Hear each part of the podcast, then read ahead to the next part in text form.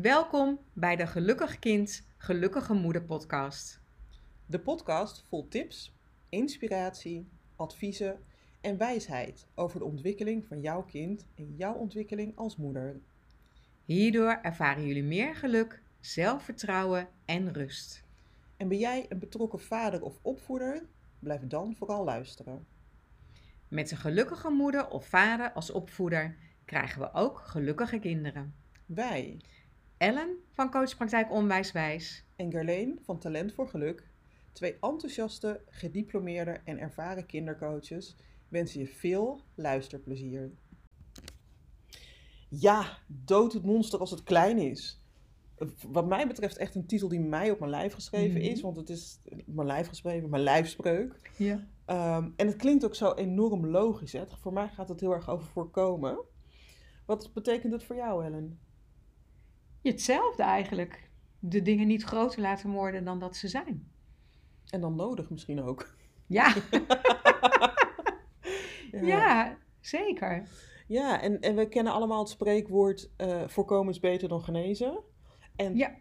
ook al is het best een dooddoener, toch lijkt het erop dat we ons veel meer richten op curatief dan preventief. En dat vind ik gewoon zo eh, onnodig. Ja, en zeker ehm, wat, ehm, hoe moet ik dat zeggen? Iets aangaat wat meer met je eh, geestelijke ontwikkeling Ja, te maken heeft. En met je persoonlijke ontwikkeling. Dan zijn Ja. wij veel sneller geneigd om inderdaad Dat maar te minder, wachten. dat of minder het minder serieus serieus te nemen. Dat is Ja. het, minder serieus te nemen. Ja, ja eh, als je erover nadenkt, is dat best wel, best wel gek, best wel bijzonder, best wel vreemd. Want we zijn veel vaker bezig met brandjes blussen dan te voorkomen dat er brand uitbreekt. Ja, terwijl we ehm normaliter, kijk bij, bij een huis bedenk je van tevoren, er moet geen brand uitbreken. Maar als jij niet lekker in je vel zit, dan wacht je vaak toch nog wel heel erg lang. Ja, en dat is ook wat ik altijd een beetje, wat voor mij de spagaat in zit, is dat op het moment dat je iets eh, opgelost hebt, dan kan je het soort van van je lijst afstrepen. En in podcast nummer drie hebben we het gehad over gelukstofjes. En op het moment dat je iets van je lijst af kunt strepen, dan, dan voelt het voor je hersenen als een beloning. Je hebt iets gedaan. Dus dan komt er dopamine vrij. Dus het heeft ook wel heel erg daarmee te maken. En dat heb je dus niet als je iets voorkomen hebt. Tenzij je echt. Eh, hoe moet- ik, zit even op, ik ben even op zoek naar, naar een voorbeeld. Oh, oh ehm, je loopt langs op straat en er ligt een bananenschil en je loopt eromheen. Dan heb je voorkomen dat je over die bananenschil Ja. uitgleed. En dan heb je misschien ook wel zo'n dopamine eh, shot, Ja. gevoel. Eh, om dan word je beloond omdat je het iets goed hebt gedaan. Maar het is best wel lastig. Het is lastiger meetbaar. We hebben minder grip op de dingen die we voorkomen dan de dingen die we, die we oplossen. Ja, ja, ik, ik, ja, ik snap wat je zegt. Ik vind hem wel lastig eh, om hem goed duidelijk te maken. Ehm, omdat je. Nee, ik weet niet. Nee, ik, eh, het blokkeert even bij mij. Oké. nou, ik vond het wel, wel mooi dat je zei, het gaat over, eh, ook een stuk over geestelijke gezondheidszorg. Hè? Ja.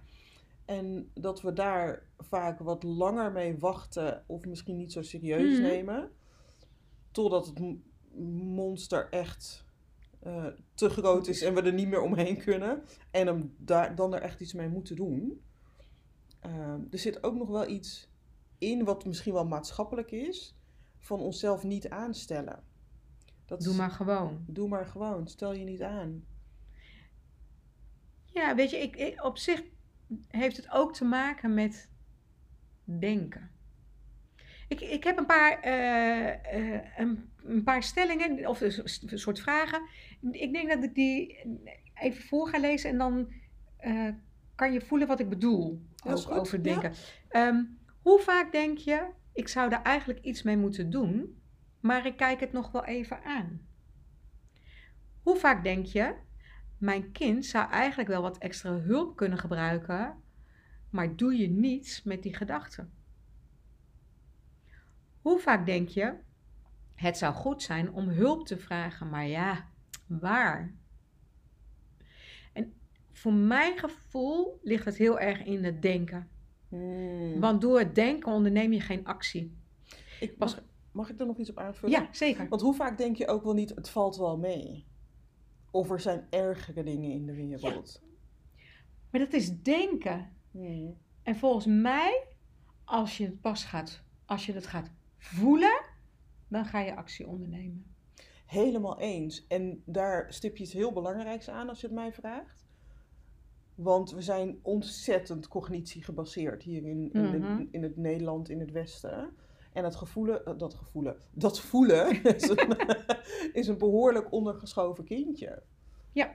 Zeker. Maar wat jij bijvoorbeeld net had over hè, brandpreventie, dat je zorgt van tevoren dat je huis goed eh, brandveilig is. Dat komt omdat je kunt voelen van als ik dat niet regel en mijn huis brandt af, heb ik niets meer.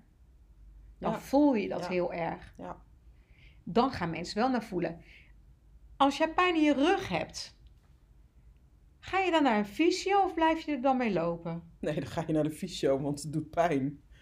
Dat voel Om- je. Ja, Ik snap je punt, ja. Als je kiespijn hebt, blijf je er dan mee lopen? Nee. Omdat het ook pijn doet en dat voel je. En dan neem je actie. Als jouw kind niet lekker in zijn vel zit, dan voel je dat soms wel, maar vaak niet, want je zit in je hoofd. Je denkt, ja, het zal wel overgaan. Ja, dat komt vast daar en daardoor. Of het is een fase. Ook die, ja. En natuurlijk zijn er heel veel dingen die een fase zijn. En, die, ook wel goed goed komen. komen. Vanzelf. Ja. Jazeker. Maar als iets langer aanhoudt, dan heb ik zoiets van: ehm, waarom doe je er dan niets mee?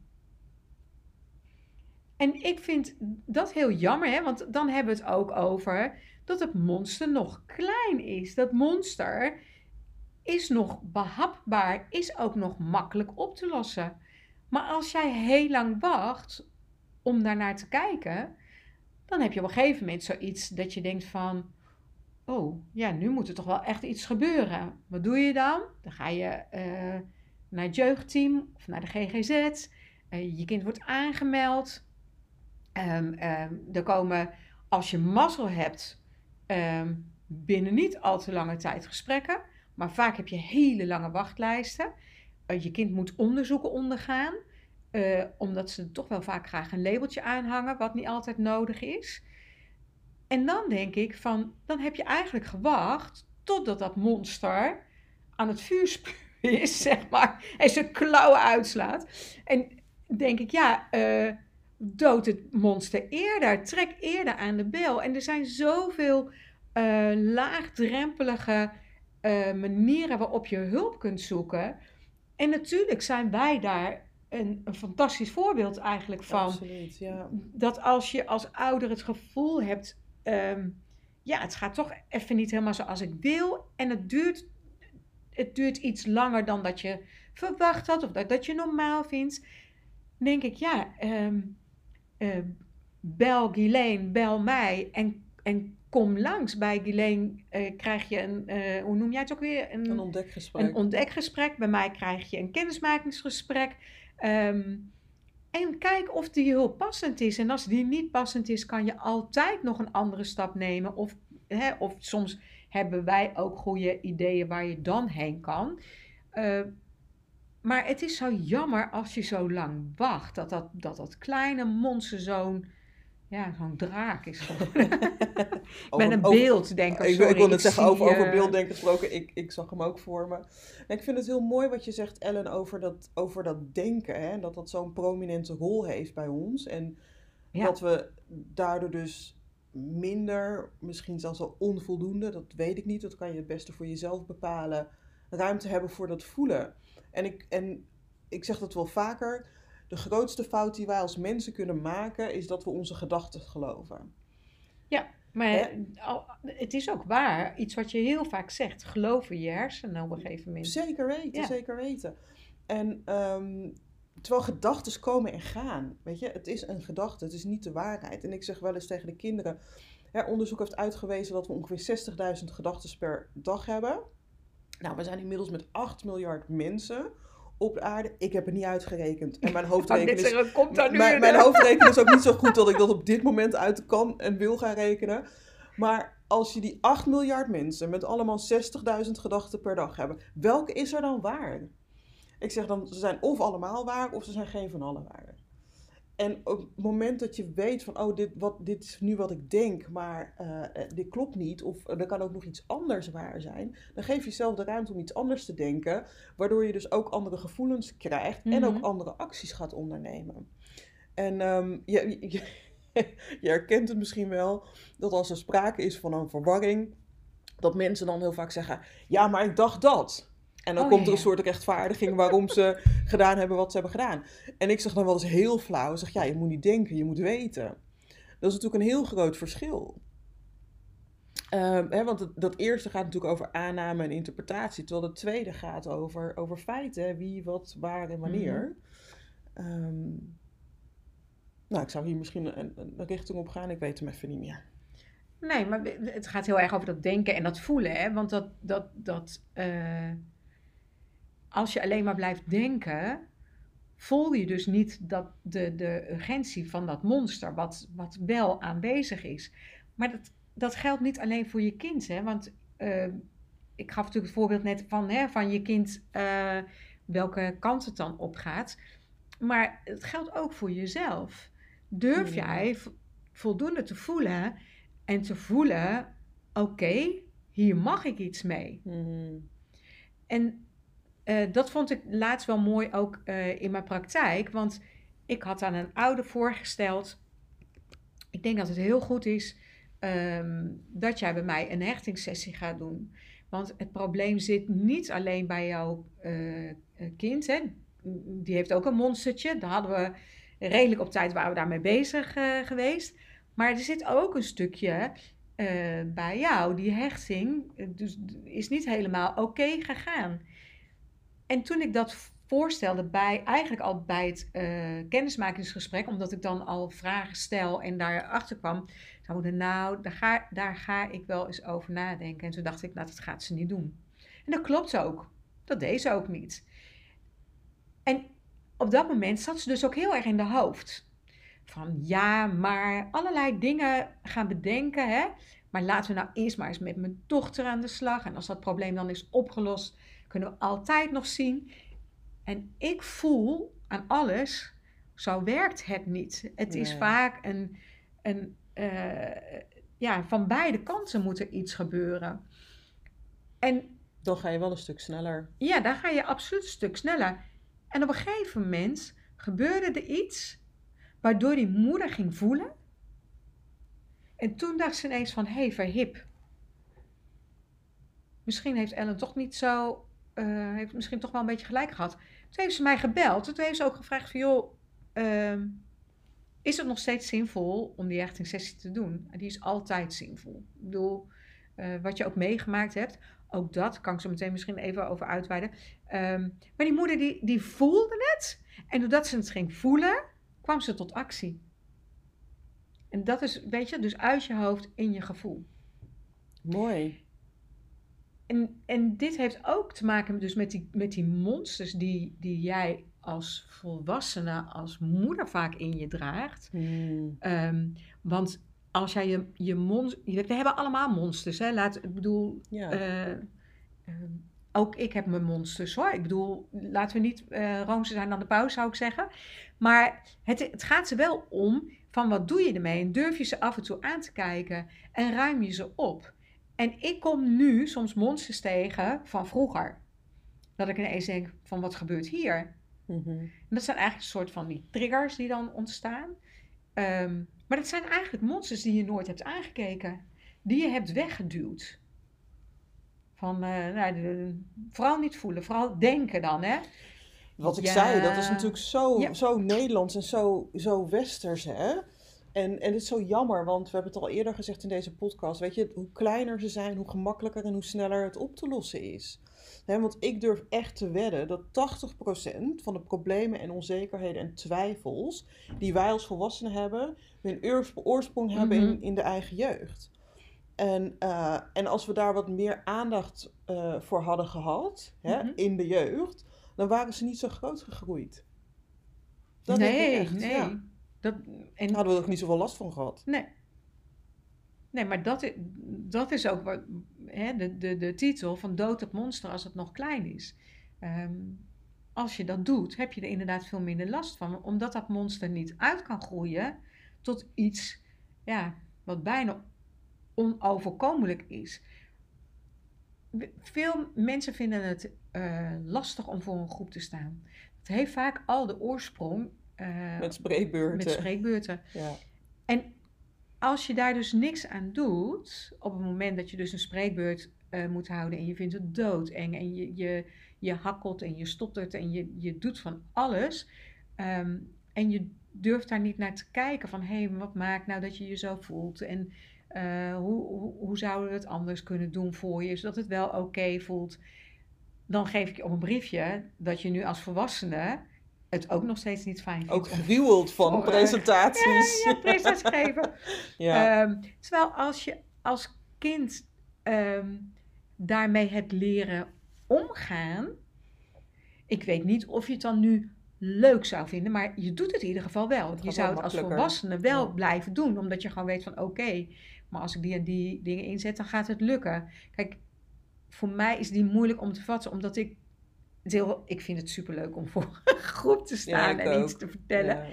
Ehm, maar er zijn wel, ik ben even aan het denken of ik een ander voorbeeld van mezelf kan nemen, wat, wat ja, nooit is aangepakt, waardoor het dus inderdaad nu nog steeds een trigger is, waardoor je ehm, ja, denkt van oké, hadden ze dat toen maar, had ik, had ik toen maar een beetje hulp daarbij gekregen. Ik, ehm, ja, ik, ik kan niet zo heel snel iets vinden. Nou, misschien komt het zo. Ja. Maar die monsters, hè, dat zijn ook echt, voor mij zijn het dieven, want ze stelen eh, de goede kwaliteit van leven van jou. Hè, het maakt je Mm. onzeker, het maakt eh, eh, dat je dingen niet durft, dat je dingen niet doet, dat je met minder genoegen neemt dan dat je eigenlijk misschien zou willen. En het is heel frappant. Als ik mensen zie, dan je ziet het in de uitstraling of mensen grote monsters hebben Mhm. waar ze nog niet mee gedeeld hebben. Of, of die ze nog niet hebben kunnen, kunnen doden. En dan weet ik niet wat het monster is. Maar je ziet het aan de houding. Je ziet het aan, aan zelfs de kleur van het gezicht. Je ziet het aan de levendigheid. Je ziet het, nou wat ik zeg, aan de, aan de hele uitstraling. Ik vind het heel frappant. Kijk maar eens naar kleine kinderen, weet je wel. Die, die niet zulke grote monsters hebben. Die zijn heel levendig en heel energiek. Mhm. En dat zie je bij sommige volwassenen, is dat volledig, volledig weg. En, eh, en dat is wat ik bedoel met ze te stelen de, de kwaliteit van, van ons leven. En ehm, dat vind ik zo zonde, want ik geloof er heel erg heilig in en heel sterk in dat wij hier zijn, zijn gekomen om, de, om het beste leven en het beste zelf te zijn die we kunnen zijn. Mhm. En eh, die monsters staan in de weg tussen, tussen wie we nu zijn en, en die beste zelf zijn. Het En- enorm in de weg v- Ja, voor je precies. En- groei. En daar maak ik me dus echt heel hard voor. En ik, ik zeg heel bewust met een T. Ehm, ja, want ik, ik vind het gewoon heel erg belangrijk. En ik wil er wel ook even bij benadrukken dat als je je monsters hebt gedood, of in ieder geval kleiner hebt gemaakt, dat wil niet zeggen dat je nooit tegenslag hebt. Hè, want Nee. tegenslag hoort. Het leven, het leven heeft geen uitzondering voor niemand. Ehm, maar het zorgt er wel voor dat je er makkelijker mee om kunt gaan, dat je er minder lang last van hebt. Ehm, ja, hè, net als iedere dag licht en duisternis in zich heeft, dag en nacht in zich heeft, ieder etmaal. Maar dat is, ook, dat is ook heel goed, hè? Want zonder dag geen nacht. Precies.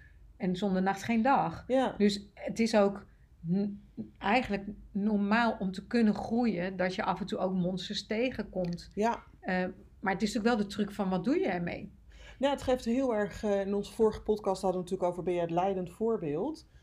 Ehm, dealen met je monsters, die monsters kunnen doden, heeft alles te maken met leiderschap. Zelfleiderschap over je leven. Heeft alles te maken met. ehm, de regie en de grip op je leven houden. Want Mhm. het zijn niet de omstandigheden, het zijn niet ehm, je gevoelens die bepalen, eh, die de kwaliteit van je leven bepaalt, maar jij bepaalt dat. Ik heb soms wel eens dat er iets heel lastigs in mijn leven gebeurt, heb ik echt last van. En Mhm. tegelijkertijd kan ik ook de schoonheid erin zien. En tegelijkertijd kan ik ook de les erin zien. En denk ik, ja, maar dat is zo waardevol. En dat is wat ik iedereen gun. Om dat ook te kunnen. In plaats van, oh ja, dit is echt heel lastig. Of dit is echt heel vervelend. En ik weet niet zo goed hoe ik hier verder mee moet. Ehm, en daardoor eigenlijk door uit het veld geslagen te zijn. Ja, maar wat je eigenlijk op dat moment doet, Guilaine, is dat monster transformeren naar iets wat jou iets te brengen heeft. Ja. Oh, En wat die- mooi dat je dat zegt. Ik zit ineens, ik weet niet hoe het sprookje heet, maar er is toch een, een sprookje van verhaaltje dat het over een monster gaat en op het moment dat je het aankijkt, dat het dan ineens iets anders wordt. Eh, Maar ik heb echt geen idee. Misschien als je luistert dat je precies weet waar ik het Ik over ken heb. veel sprookjes, Want maar ik- deze ik- weet ik niet. Ja, wat is een verhaaltje of zo? Ik weet het gewoon echt niet. En als ik het weer weet, dan, dan zal ik het ook zeker op Ja. terugkomen. Ehm, Ja, maar het is, net, het is natuurlijk ook wel een beetje zoals de kikker en de prins, hè? Ehm, dat de prinses uiteindelijk een kus geeft aan die kikker en dat hij dan een prins wordt. Zoals in eerste instantie denkt van, gadverdamme, wat Ja, een dat ik ook wel. En- Wie wil- Ah! Wie wil nou, wie wil nou een Nee, maar, maar dat is eigenlijk haar monster, die, die, die, die, die vieze, Ja. slijmerige kikker. En op een gegeven moment gaat ze toch inzien hey, dat die kikker ook wel leuke kanten heeft. En dat hij eigenlijk wel heel trouw aan de is. En dat hij wel een soort van vriendje is. En dan geeft ze hem een kus en dan wordt het een prins. Ja, dat is niet het verhaal Dat- wat ik nee, bedoelde, dat maar hij is wel erg treffend. Net als Belle en het Beest. Ja, Weet je, dat je teruggaat. Hij is letterlijk een monster geworden. En op het moment dat hij dat, dat, hij dat kan omarmen en, en haar liefde kan eh, accepteren, dan wordt hij weer die prins. Dan wordt hij weer wie hij werkelijk is. En dan worden alle kopjes en, en theekannetjes en weet ik veel wat er allemaal in Belle en het Beest, worden ook weer zichzelf. Maar dat is, dat is inderdaad die transformatie die je dan krijgt op het moment dat je, dat je dat monster aan durft te kijken. Op het moment dat je dat monster durft te omarmen. Want dat is natuurlijk ook een beweging die we veel maken. Bij heel veel afwijzing daarop.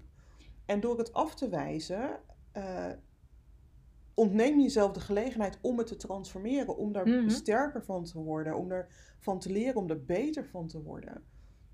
ja, en ik denk ook als je op die ogen naar het monster kunt kijken, dat je ook sneller geneigd bent om te denken van oké, het lukt mij niet om dat monster te transformeren. Het lukt mij niet bij mijn kind om dat monster te transformeren. Oké, mag ik daar dan hulp bij vragen? En dan ga je hulp vragen vanuit je gevoel, vanuit liefde, omdat je dat monster in liefde wil transformeren. Nou, moet je kijken wat je dan bereikt. Ja, waanzinnig. En ik zeg ook altijd, weet je, hulpvragen doe je niet omdat je zwak bent. En Nee. dat is natuurlijk wel wat er, waar we nog niet helemaal zijn. Maar hulpvragen doe je echt omdat je sterk wilt blijven. Dat is een enorm groot verschil. En ik ben ontzettend blij dat, dat hulpvragen en, en dat er heel veel coaches en, en dat er heel veel hulp beschikbaar is. Want 20 of 30 jaar geleden was het echt een stuk minder. Nou ja, ik denk dat het, het, eh, het beroep van kindercoach, jongerencoach, jeugdcoach, eh, gezinscoach, dat het ook nog helemaal niet zo eh, bestond. Nee, klopt. Dat is natuurlijk wel iets van de laatste jaren. En dan denk ik van, weet je, die mogelijkheid heb je. eh, maak er gebruik van. Dus ik zou eigenlijk nog een keertje willen zeggen tegen jou als luisteraar. ehm, heb je nou na het horen van deze podcast het gevoel van, nou, misschien moet ik toch inderdaad eens een stap zetten en hulp zoeken? Eh, bel ons op. Eh, kom langs. We zijn er voor, voor jullie en voor jullie kinderen. Ja, en weet ook vooral dat het vrijblijvend is en dat het je niet verplicht tot wat dan ook. En ehm, ja, we zijn er om je een stap verder te helpen. Of misschien wel twee of misschien wel drie stappen, hoeveel je er ook nodig hebt om dat monster te kunnen doden. Fijn dat je naar deze podcast hebt geluisterd. In mijn praktijk, Onwijswijs, help ik tieners om zonder angst en vol zelfvertrouwen het leven te leven. Wil jij voor jezelf of je dochter vast een voorproefje? Download dan mijn Onwijs Happy doetijdschrift op www.onwijswijs.nl.